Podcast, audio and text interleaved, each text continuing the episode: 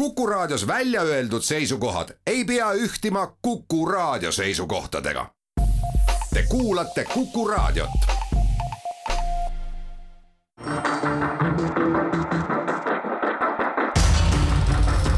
muuli ja Aavik. muuli ja Aavik. tere päevast, kell on seitse minutit üle üheteistkümne ja nagu reedeti ikka hakkab sel kellaajal saade Muuli ja Aavik, stuudios on ettevõtlus- ja infotehnoloogia ministri nõunik Kalle Muuli ja Mart Jaavik. tere! räägime esimese teemana täna Pätsi peast, kui nii võib ütelda, ehk siis meie riigi ühele rajajale ja ja ka esimesele presidendile Konstantin Pätsile püstitatavast äh, mälestusmärgist, monumendist või skulptuurist, kuidas keegi tahab ütelda, Estonia juurde, meie Rahvusteatri juurde ja selle avamine on siis täna meie saatepäeval. teiseks räägime rahandusministri tagasiastumist ja uuest, uue rahandusministri ametisse saamisest ning lisaks ilmselgelt ka sellest, et et Keit Pentus-Rosimannuse vastased rünnakud lähevad siis edasi nüüd vormis avaldusega politseile. Kolmandaks räägime metsa raiemahtudest, keskkonnaminister on siis paljudele ootamatult teinud ettepaneku või lubanud valitsusse viia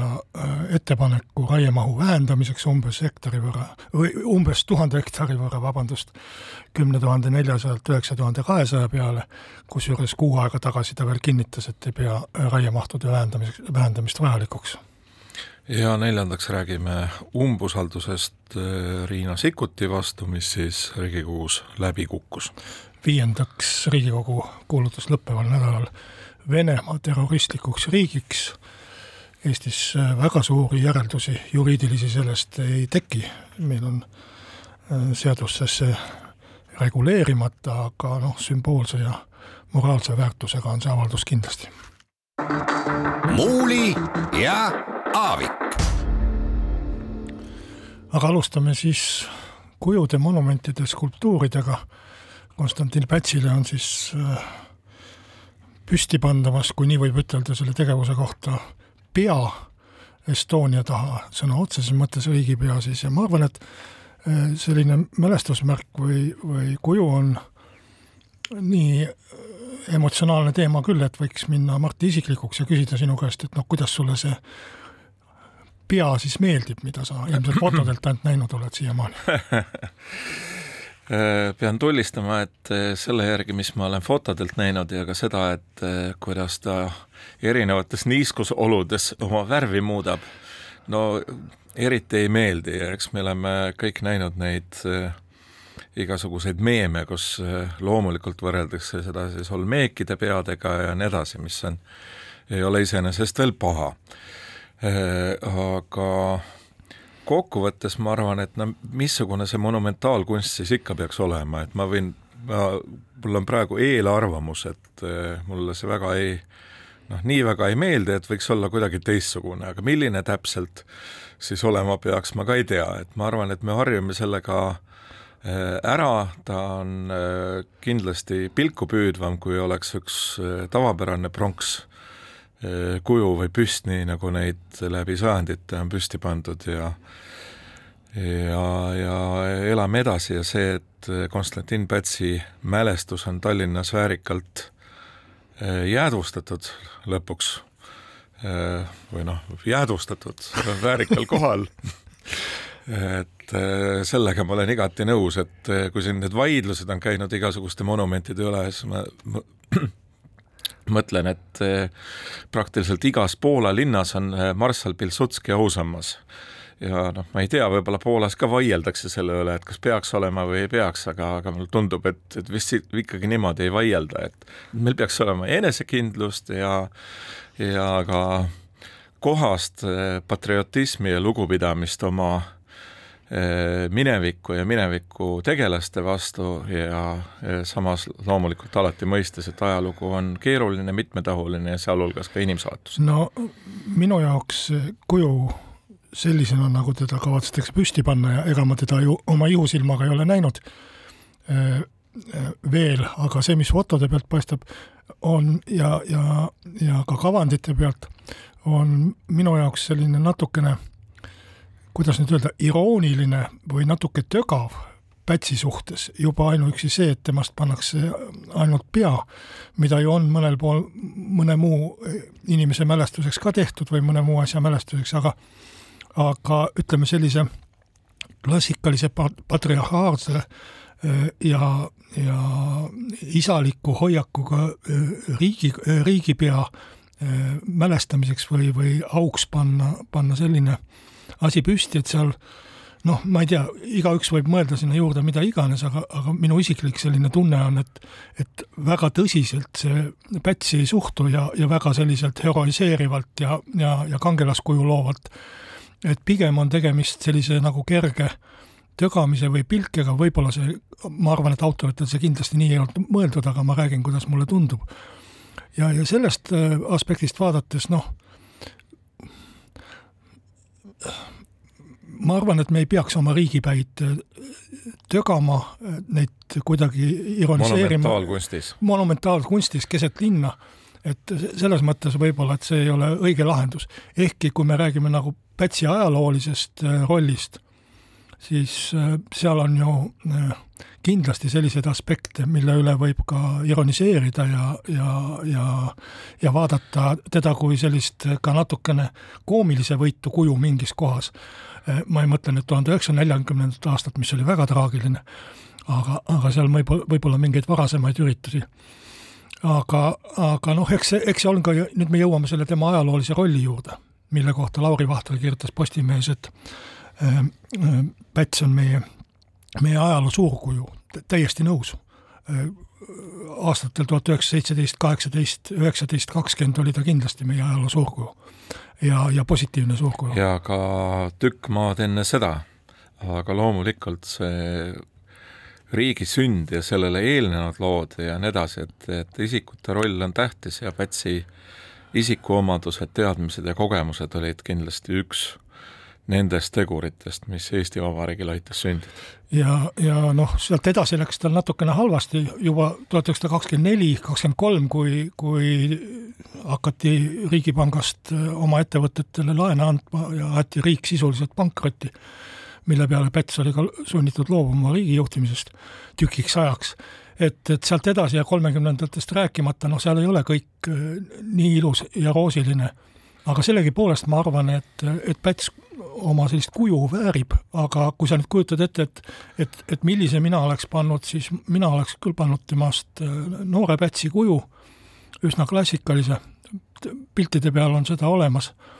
kus ta paraade tervitab või midagi sellist. ja, ja, ja see oleks ka vastanud tema nagu sellele suurkujule või ajaloolisele rollile palju rohkem ja seostunud ka Estoniaga palju rohkem, sellepärast et Estonia oli ju ikkagi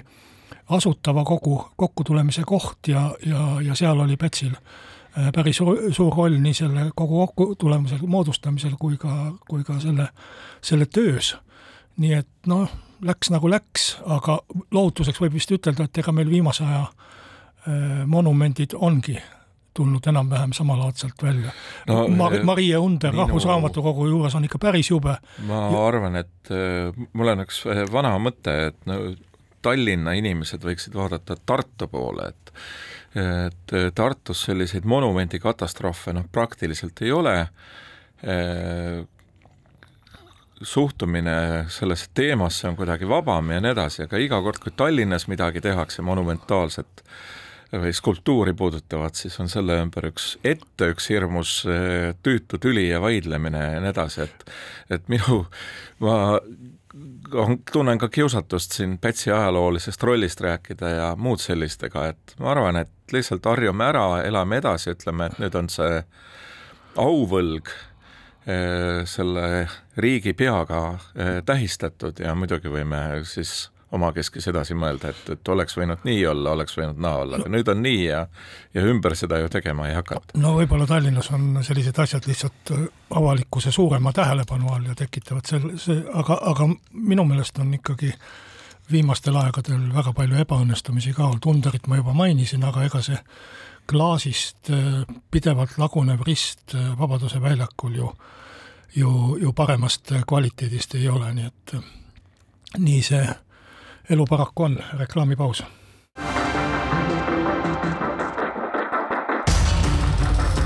muuli ja Aavik. muuli ja Aavik. stuudios endiselt Kalle Muuli ja Martti Aavik, räägime edasi rahandusministrist ja nimelt siis sellel nädalal Keit Pentus-Rosimannus teatas, et lahkub Eesti poliitikast ja uueks rahandusministriks eh, Keit Pentus-Rosimannuse asemel sai siis Reformierakonna poliitik Anneli Akkermann. ja läheb edasi ka eh, eelkõige EKRE veetud rünnak siis eh, Keit Pentus-Rosimannuse vastu Riigikogu korruptsioonivastases komisjonis ja nüüd on siis Mart Helme esitanud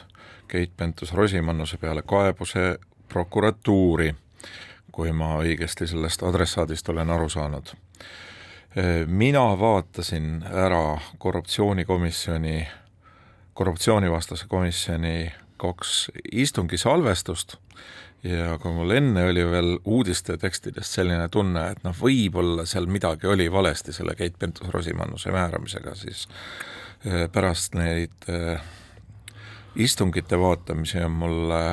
minule küll väga selge veendumus, et eh, midagi seal põhimõtteliselt või ütleme, vähemalt reeglite järgi valesti tehtud ei ole selle eh, Keit Pentus-Rosimannuse kontrollikoja poole saatmises. et pigem on see selline poliitiline kangutamine ja kui äh, iga konkreetse isiku või poliitiku suhtes võib inimestel olla erinevaid tundeid, kellele meeldib, kellele ei meeldi, parteilised huvid, loomulikult konkurentidele ei meeldi, et äh, tegemist on Reformierakonna poliitikuga, aga aga noh, reeglite rikkumist sealt seni teadaoleva põhjal lihtsalt ei paista ja ja see on üks teema, mida püütakse siis üleval hoida selleks minu meelest, et äh, lihtsalt olla tähelepanu all ja tundes ju, olles üle to-, olnud üle tosina aasta ajakirjanduses, et ma tean väga hästi, kuidas äh, pelk äh, pealkirjade maailm äh, paratamatult siis ühte või teist teemat üleval hoiab kedagi inimest või, või mingisugust tegu justkui süülista, süü-, süüdistab vaatamata sellele, et sisu võib olla hoopis teistsugune. nojah äh,, eks Riigikogu komisjon olegi poliitiline kogu ja seal aetakse ikka poliitilisi asju. et ta ei ole uurimisorgan ja ta ei ole ka äh, juriidiliste hinnangute andmise organ ja ja tal ei ole ei seda pädevust, volitust ega ega, ega ka võimalusi seda teha. et seda avaldust, mis prokuratuuri läks, ei ole ju vist äh, enamik inimesi näinud, meie sinuga kaasa arvatud ja see on ikkagi juristi koostatud avaldus, see ei ole Mart Helme, vaid advokaadi koostatud avaldus ja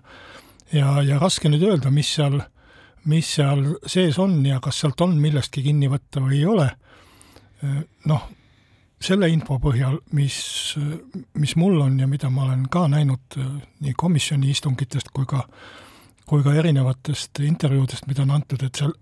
tundub, et mingit juriidilist koosseisu seal või kriminaalasja koosseisu ei ole, aga mine tea, mis seal avalduses no mõnes mõttes peaminister Kaja Kallas seal komisjoni istungil ka ise provotseeris ju seda, et äh, ta ütles sõnaselgelt seal noh, eks ta, eks ta saigi selle, mis ta tahtis, eks. et, et see ei ole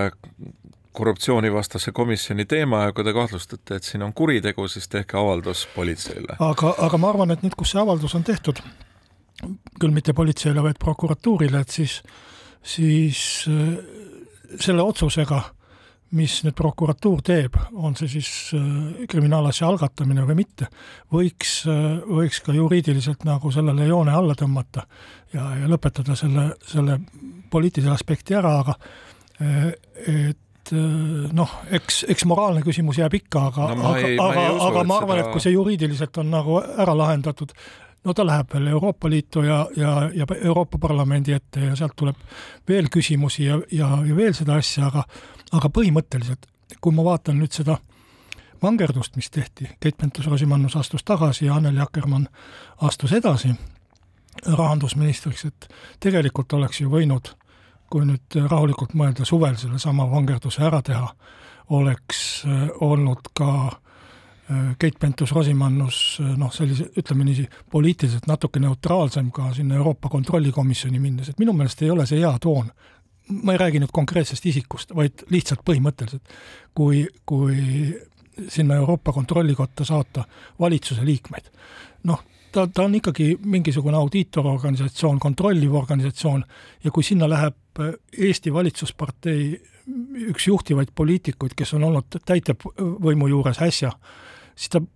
võib-olla, et mingites olukordades peab hakkama ka sellele samale Eesti valitsusele hinnanguid andma või mine tea, võib-olla et isegi iseenda tööle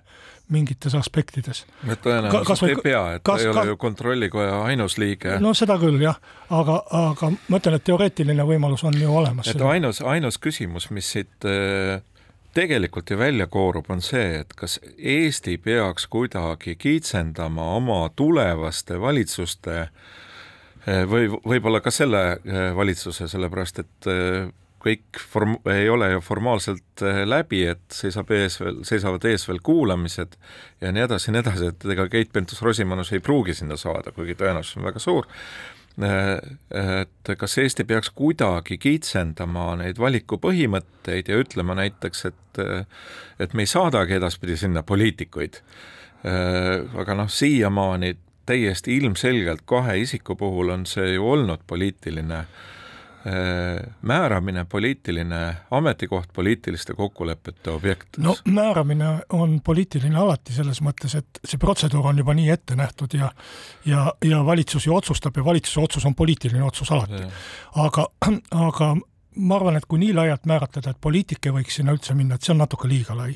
et siis tekib ka tõlgendusküsimus no,. ilmselt on see kitsendamine siis selles suunas kes..., et millised on erialased ootused, erialase töö ootused no, ja need, nii edasi. Need, need peavad nagunii olema, aga, aga noh, siis tekib küsimus, et kes see poliitik on. kas see, kes kuulub erakonda või see, kes saab palka poliitilise tegevuse eest ja nii edasi ja nii edasi, et võib-olla see on natuke liiga lai kitsend. aga, aga äkki piirduks edaspidi lihtsalt sellega, et, et see ei ole äh, valitsuse liige, keda esitatakse, et äh, meil on ju ka, kui me vaatame riigisiseseid selliseid äh, ütleme, teisi institutsioone, Riigikontroll, ei ole hea ju sinna panna Riigikontrolli juhiks inimest, kes läheb sinna ministritoolilt või, või, või valitsuse liikme koha pealt. et põhimõtteliselt on ta ikkagi äh, teistmoodi amet ja, ja me võiksime säida, sinna leida inimesi, kes on natukene kaugemal sellest asjast, et ma ei tea, kuhu see piir tõmmata, aga mina tõmbaksin vähemalt valitsuse liikme koha peale piiri. aga noh, see on tuleviku jutt. et nüüd on meil siis uus äh, rahandusminister Anneli Akkermann Reformierakonnast, kes on jõudnud ka esimesed intervjuud juba anda ja ja noh, ega tal ju ütleme, selles mõttes enam suurt midagi teha ei ole, riigieelarve on üle antud, esimene lugemine äh, samuti tehtud, et äh, et neli kuud äh, noh, sellist jooksvat rahandusministri tööd, ma arvan, et see kombinatsioon, mis nüüd tehti, see meenutab mulle noh, midagi sellist, nagu oleks Rain Rosimannus tagasi poliitikas ja, ja korraldaks asju, et selline hea käik Äh, lükata no, uus on, inimene valimisteks üles. see on äh, parteipoliitiline kombinatsioon ja ka peaminister ise ju peaaegu selle niimoodi ütles, et tuleb tutvustada uusi inimesi. noh, siis see ongi valimiste ettevalmistav käik ja ja seletab ka seda, miks ei valitud näiteks äh, juba rahandusministri kogemusega inimesi sinna ametipostile või midagi muud sellist? no ma arvan, et seal jah, praegu mingit suurt traagikat loodetavasti ei hakka tulema ja, ja küllap Anneli Akkermann saab selle nelja kuuga kenasti hakkama. et äh, jõudu ja edu talle selleks äh, tööks ja, ja, ja loodame, et ei, ei teki selliseid äh, noh, ütleme,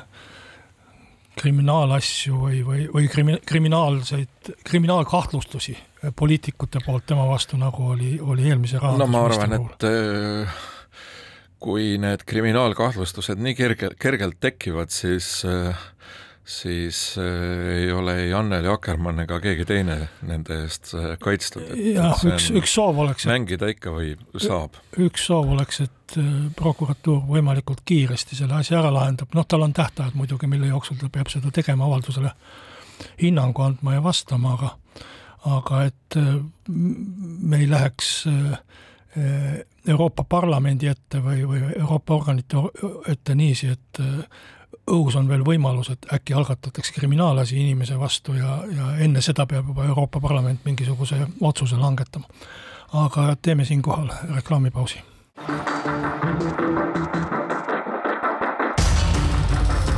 muuli ja Aavik. muuli ja Aavik. Jätkame saadet Martti Aavik ja Kalle Muuli stuudios keskkonnaminister Madis Kallas eh, esitas eh, üllatava avalduse ajakirjanduses selle kohta, et ta kavatseb teha valitsusele ettepaneku vähendada raiemahtu kümne tuhande neljasajalt hektarilt üheksa tuhande kahesaja hektarini aastas. ja noh, üllatav on see avaldus sellepärast, et kõigest kuu aega tagasi septembri keskpaiku Madis Kallas kinnitas, et mingit raiemahu vähendamise plaani ei ole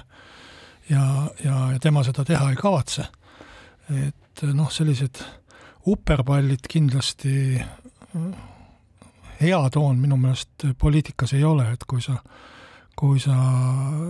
midagi lubad või midagi ütled, et siis sa pead ikkagi ministrina väga põhjalikult enne kaaluma seda, mida sa, mida sa välja käid, et me ei tea ju,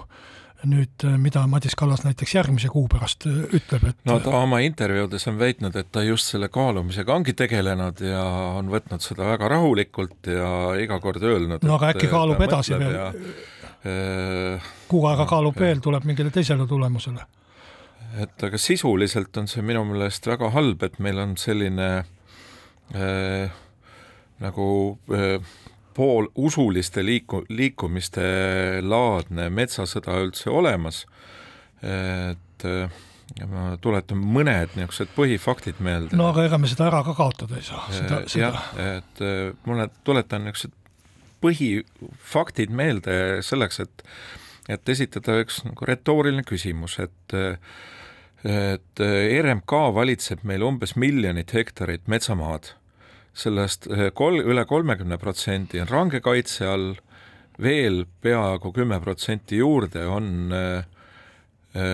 siis erinevate majandamispiirangute all. ja siis on kuuskümmend protsenti seda metsamaad, mis üldse on majandatav. et võib-olla peaks vaidlema hoopis selle maa-ala üle, mitte nii, et, et meil on nagu metsamajandamisvõtted on need, mis on äh, justkui avaliku diskussiooni tohutu objekt, eks ole, kus räägivad inimesed, kes sellest väga palju ei tundu teadvat. et äh, lõpuks see loodushoid ja Eesti metsade alles äh, olek, unistus põlismetsadest, elurikkus, et see toimub ju kuskil maa-alal mingisugustel konkreetsetes piirkondades, konkreetsetel äh, juppidel. et kui sõda käib ainult selle ühe nagu selle riigi või, või rahva öö, äh, omanduses oleva RMK valitsetava maa-ala üle, siis öö, äh, no piirate seda, aga mis mõju sellele on siis erametsaomanikele, et et ma arvan, see kõige hullem asi tegelikult ongi see, et, et kõik see tekitab ju ebakindlust ka teistes metsaoma, omanikes. olgu RMK on riigi valitsetav asutus, need inimesed seal on, saavad äh, aru, käsk, niimoodi, eks ole, aga tuhanded erametsaomanikud peavad ju oma maatüki peal mingisuguse otsuse langetama. ja kui mina oleksin nüüd, kui mul oleks tuhat hektarit metsa ja ma vaatan, missugune heitlik käitumine käib selle metsa ümber, siis äh, esimene nagu majanduslik mõte oleks see, et äh, katsuks sellest võimalikult kiiresti lahti saada, realiseerida selle puidu või, või, või, või, või müüa selle jupi ära, sellepärast et kogu see metsasõda tekitab niisuguse noh, täieliku ebakindluse tuleviku suhtes no.. ja ma arvan, et see on kontraproduktiivne, et, et ma ei imestaks, kui osa nendest äh, raietest ongi selle tulemus, et metsaomanik hirmus, et midagi hakkab juhtuma, mingid hullud tulevad ja keeravad selle tegelikult sajaks aastaks plaanitud äri projekti või sajaks aastaks plaanitud vara arendamise projekti sul ühe päevaga pea peale ja sa ei tea, mis, mis juhtub. no minu meelest selle äh, metsasõja või, või ka, ka nende, nende uskude algpõhjus on ikkagi see, et, et äh, ei, ei suudeta kokku leppida, palju meil siis metsa on või vähemalt ei suudeta kokku leppida selles, palju teda iga aasta juurde kasvab, sest seadus ütleb, et metsamajandamine peab olema jätkusuutlik, see tähendab, et raiuda ei tohiks äh, rohkem, kui juurde tuleb, ehk, ehk siis see mets, mis on, või see kogus metsa, mis on, jääb, peab alles jääma et Keskkonnaagentuur seda metsa mõõdab, metsa, metsa juurdekasvu mõõtmine on keeruline, hoolimata tänapäevastest tehnikatest, ja, ja sealt see vaidlus tuleb, ehkki Keskkonnaagentuur on ju tegelikult ikkagi apoliitiline äh, asutus, ma olen seal käinud, nende inimestega rääkinud omal ajal, mõni aasta tagasi ja need on ikkagi teadlased, kes seal istuvad, need ei ole poliitikud, kes seda metsa mõõdavad, et äh, nüüd on sotsiaaldemokraatlik mõõtmine ja nüüd on äh, konservatiivne mõõtmine. et äh, ma arvan, et kui keskkonnaminister midagi tahaks teha Eesti metsa heaks tõsiselt, peale selliste populistlike igakuiste jaa, aga osa avalduste, inimesi ei, ei usu oota, Martti, ma, ma arvan, et keskkonnaminister peaks hoolitsema selle eest, et saaks vastu võetud metsanduse arengukava, mida siiamaani ei ole järgmiseks kümnendiks äh, vastu võetud, ehkki kaks aastat sellest kümnendist on juba möödas.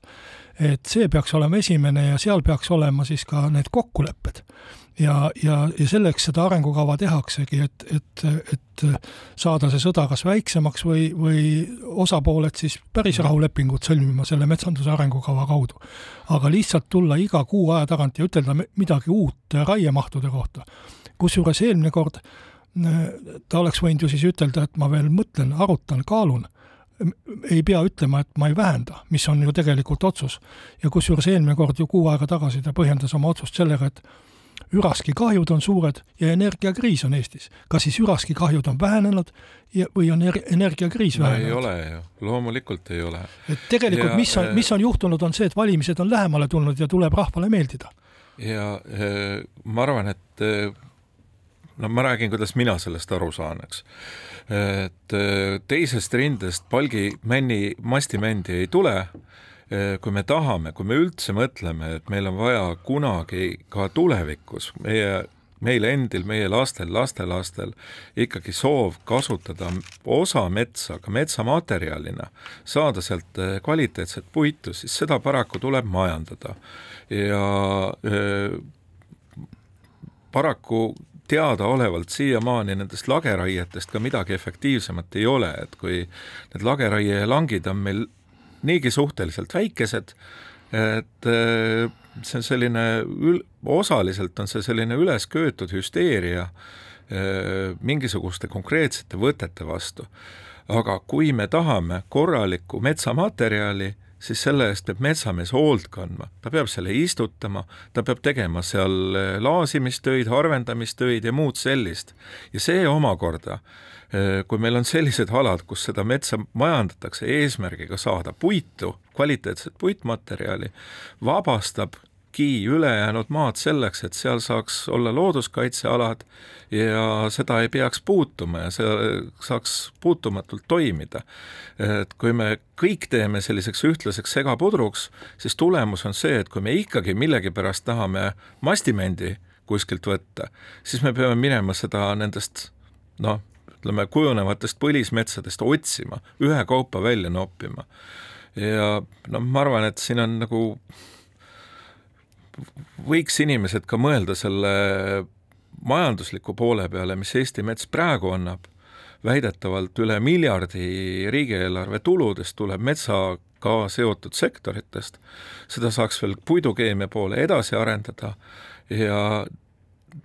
otsida seda rahu kuskilt nagu sellisest konkreetsete maa-alade või ütleme, nagu maakasutuse poolelt Äh, kus meie elurikkus jääb alles, paraneb ja samas seda metsa, metsa majandamine ei ole kogu aeg sellise kirve all, et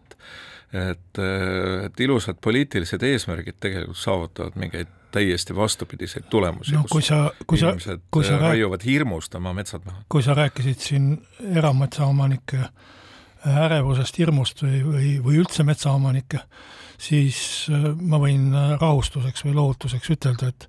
see keskkonnaministri äh, soolo äh, või etteaste jääbki lihtsalt selliseks tühjaks valimisloosungiks, et ma arvan, et valitsus ei hakka seda oma istungil sellist eelnõud küll arutama, et see ei jõua päevakordagi. ja, ja keskkonnaministri jutt, et koalitsioonis leppes lepiti kokku raiemahtude vähendamine või vähendamise suunas, kuidas ta väljend-, väljendas ennast, et see on te-, tegelikult täiesti vale. koalitsioonileping on üleval, ripub ka valitsuse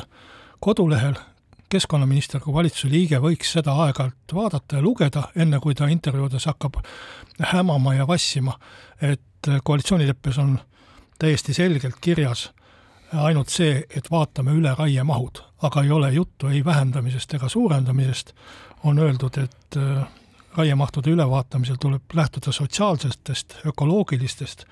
ja majanduslikest eesmärkidest mm, -hmm. mis on täiesti õige. ehk siis leidsime üles äh, tänases saates juba teise teema, mis on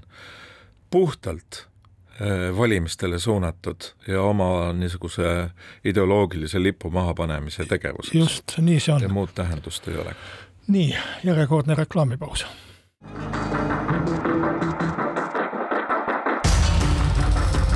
Muuli ja Aavik. muuli ja Aavik. räägime stuudios edasi eh, Riina Sikkuti umbusaldamisest, endiselt saates Kalle Muuli, Mart Jaavik ja eks seegi on selline poliitiliste punktide või tähelepanu võitmise eh, kunsti osa, mida siis selle Riina Sikkuti umbusaldamisega on on püütud saavutada. et äh, ma arvan, et äh, Paldiski kai äh, ja LNG laeva juhtumit seoses Riina Sikkutiga tuleks arutada võib-olla eelkõige kui niisugust PR-apsakat ja tegelikult ei olnud ju Riina Sikkut ainukene PR-apsaka tegija, vaid kui enamik neist inimestest, kes nüüd viimase nädala jooksul või paari nädala jooksul on püüdnud aru saada, et mis seal siis toimus, kui enamikul neist inimestest avalikkuses on varem jäänud mulje, et Eestil on üleüldse mingisugune, olnud kunagi mingisugune õigus sellele LNG laevale, mida siis äh, soomlased on oma raha eest äh,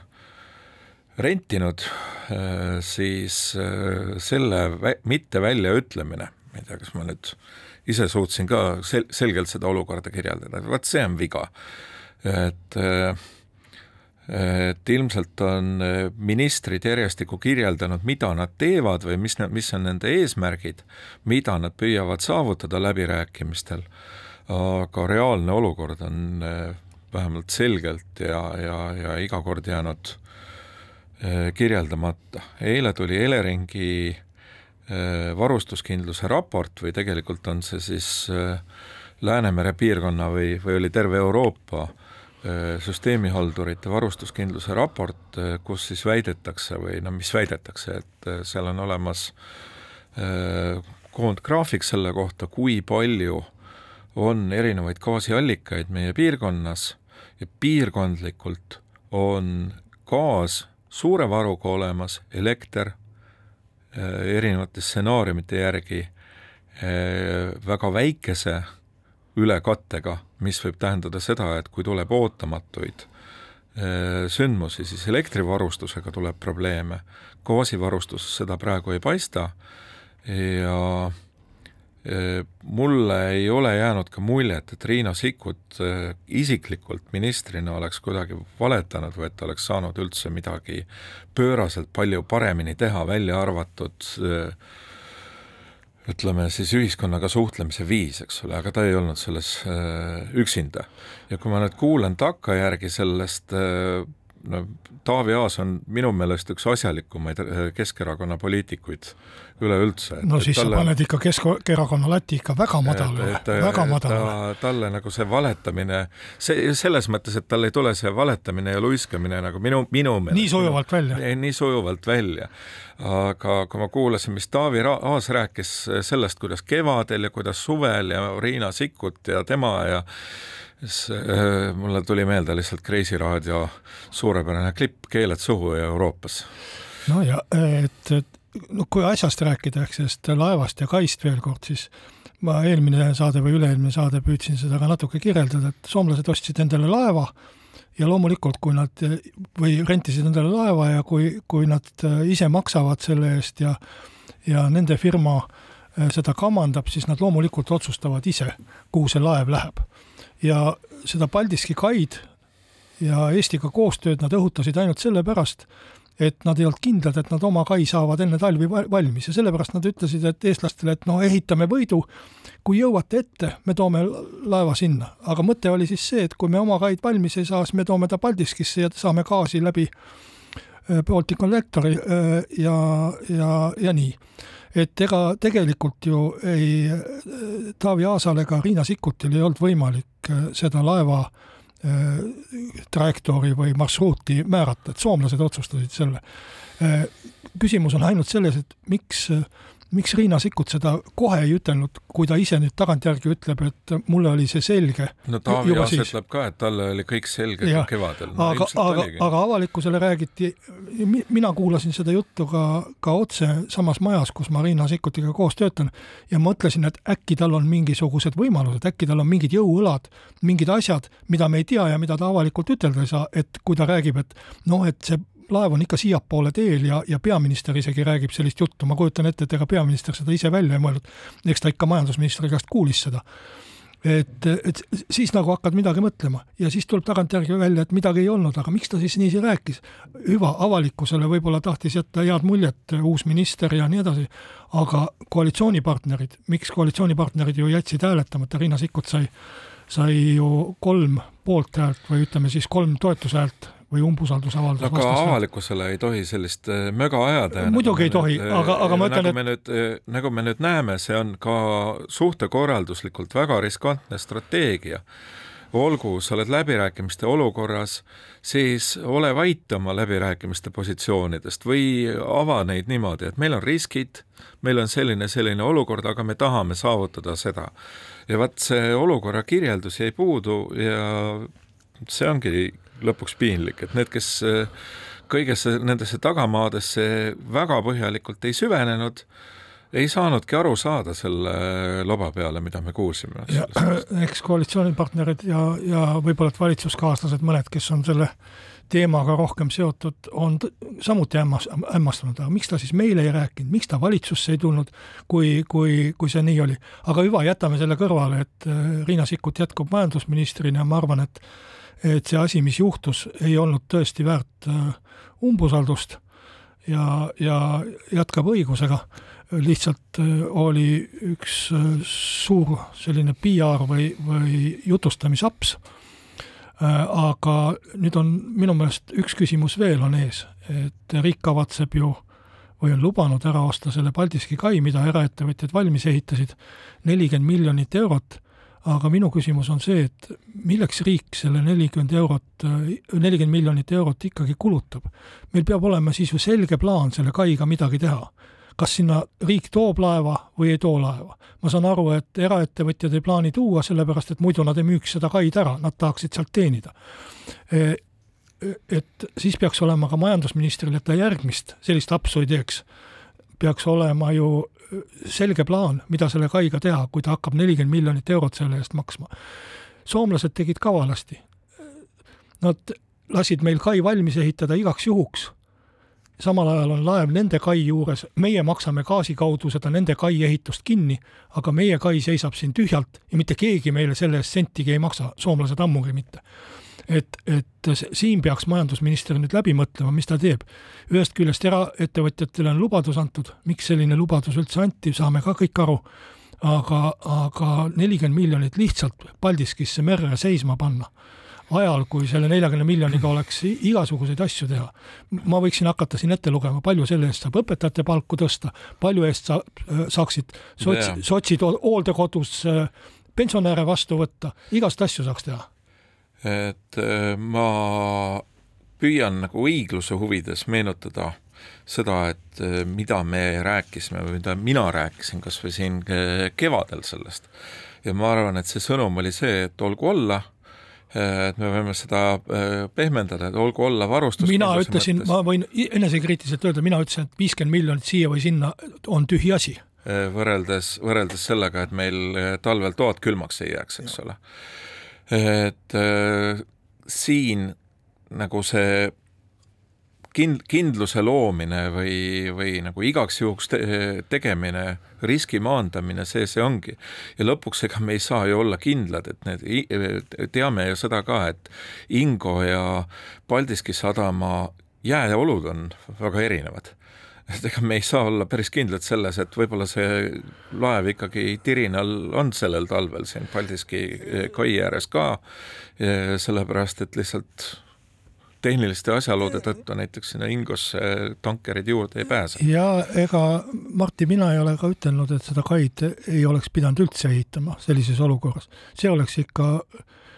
eriti jõhkrat majandusministrit nõudnud, kes oleks kevadel ütelnud, kui, kui meil olid tohutud hirmud gaasiga varustatuse eest, et ei, me ei ehitagi seda kaid. Pole meil üldse seda vaja. et see oleks kindlasti nõudnud tõesti, ma ei tea, milliseid millist ettenägelikkust ja millist äh, närvi ja ma arvan, et see majandusminister oleks saanud järgmisel päeval umbusaldusavalduse maha ka võetud koos oma, oma erakonnaga, aga, aga aga, aga see, aga see ei välista seda, et kui me ütleme, et see kai oli vajalik ehitada ja see raha kulutada, et selle kai jaoks peaks olema mingisugune plaan, mille majandusminister välja töötab nüüd, et mis me selle kaiga ikka teeme. et äh, lihtsalt ütelda, et võib-olla kunagi midagi juhtub, võib-olla kunagi läheb vaja no tegelikult võiks ju, võiks ju ikkagi nagu midagi konkreetsemat välja pakkuda, milleks, no kas või, kas või seletuseks, et mis me, mis me siis, milleks me selle nelikümmend miljonit siis kulutame, lihtsalt, lihtsalt e-, ehitasime ühe asja, mida võib-olla läheb vaja, aga võib-olla ka ei lähe vaja. aga, aga sellega võib-olla, et tõmbame oma saatele siin ka joone alla, loodame, et plaanid Paldiski kaiga lähevad konkreetsemaks ja et sellest tõuseb Eesti riigile suurt tulu. Martti Aavik ja Kalle Muuli järgmisel reedel jälle.